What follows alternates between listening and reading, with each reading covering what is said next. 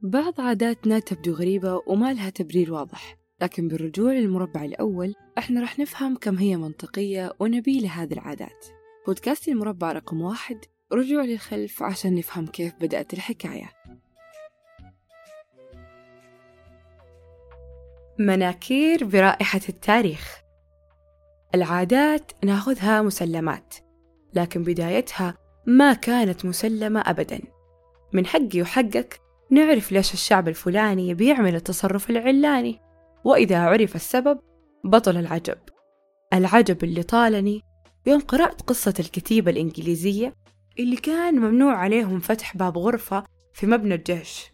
ظل قرار منع دخول أو لمس باب الغرفة ساري لمدة أربعين سنة لكن أحد الضباط سأل السؤال الصحيح.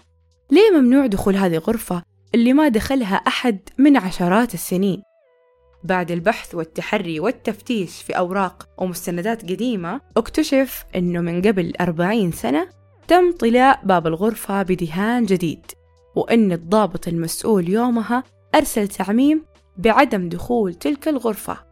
المشكلة هي أن التعميم أصبح قانون بالتقادم ولم يجرؤ أحد على لمس باب الغرفة والسبب تعميم صلاحيته يوم واحد وباب تم طلاؤه من سنين. وعلى طار الطلاء خلونا ناخذ عادة طلاء الأظافر ونعرف مربعها الأول تاريخيا. عادة طلاء الأظافر لم تظهر عند النساء في العصور الثلجية أبدا. بالأصح لم تكن للتجميل بل للتصنيف. هذه العادة ترجع إلى عصر الدولة البابلية يعني أكثر من خمس آلاف سنة.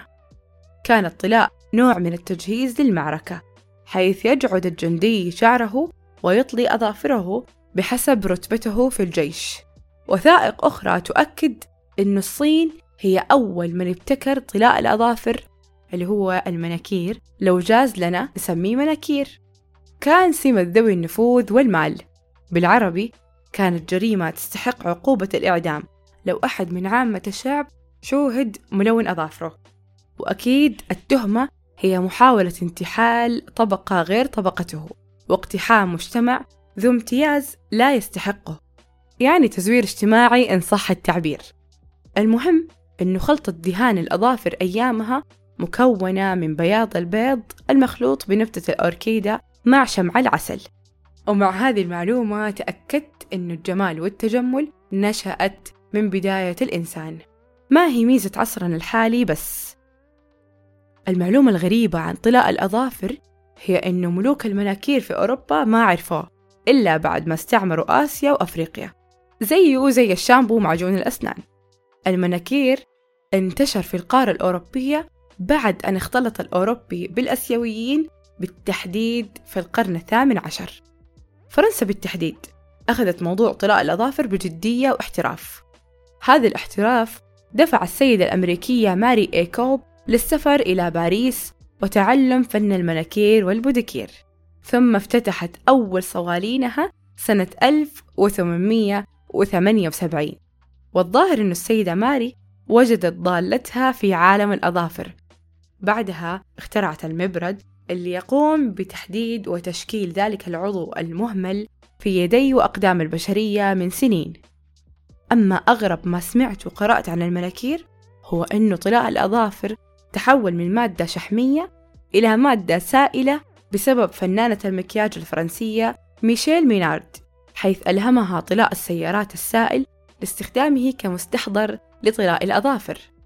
ما يحتاج أقول لكم طبعا ماذا حدث لأظافر السيدات بسبب هذا المستحضر لكن اللي أقدر أقوله هو شكرا للأمريكي جيف بينك واللي خفف من أضرار طلاء السيارات عشان يناسبنا نحن كبشر. في النهاية هل لا زال المكياج كما كان في المربع رقم واحد؟ وظيفته التصنيف الاجتماعي؟ سؤال أحتاج إجابته منكم كانت معاكم مودة مندورة في بودكاست مربع رقم واحد بعض عاداتنا تبدو غريبة وما لها تبرير واضح لكن بالرجوع للمربع الأول إحنا رح نفهم كم هي منطقية ونبيلة هذه العادات بودكاست المربع رقم واحد رجوع للخلف عشان نفهم كيف بدأت الحكاية.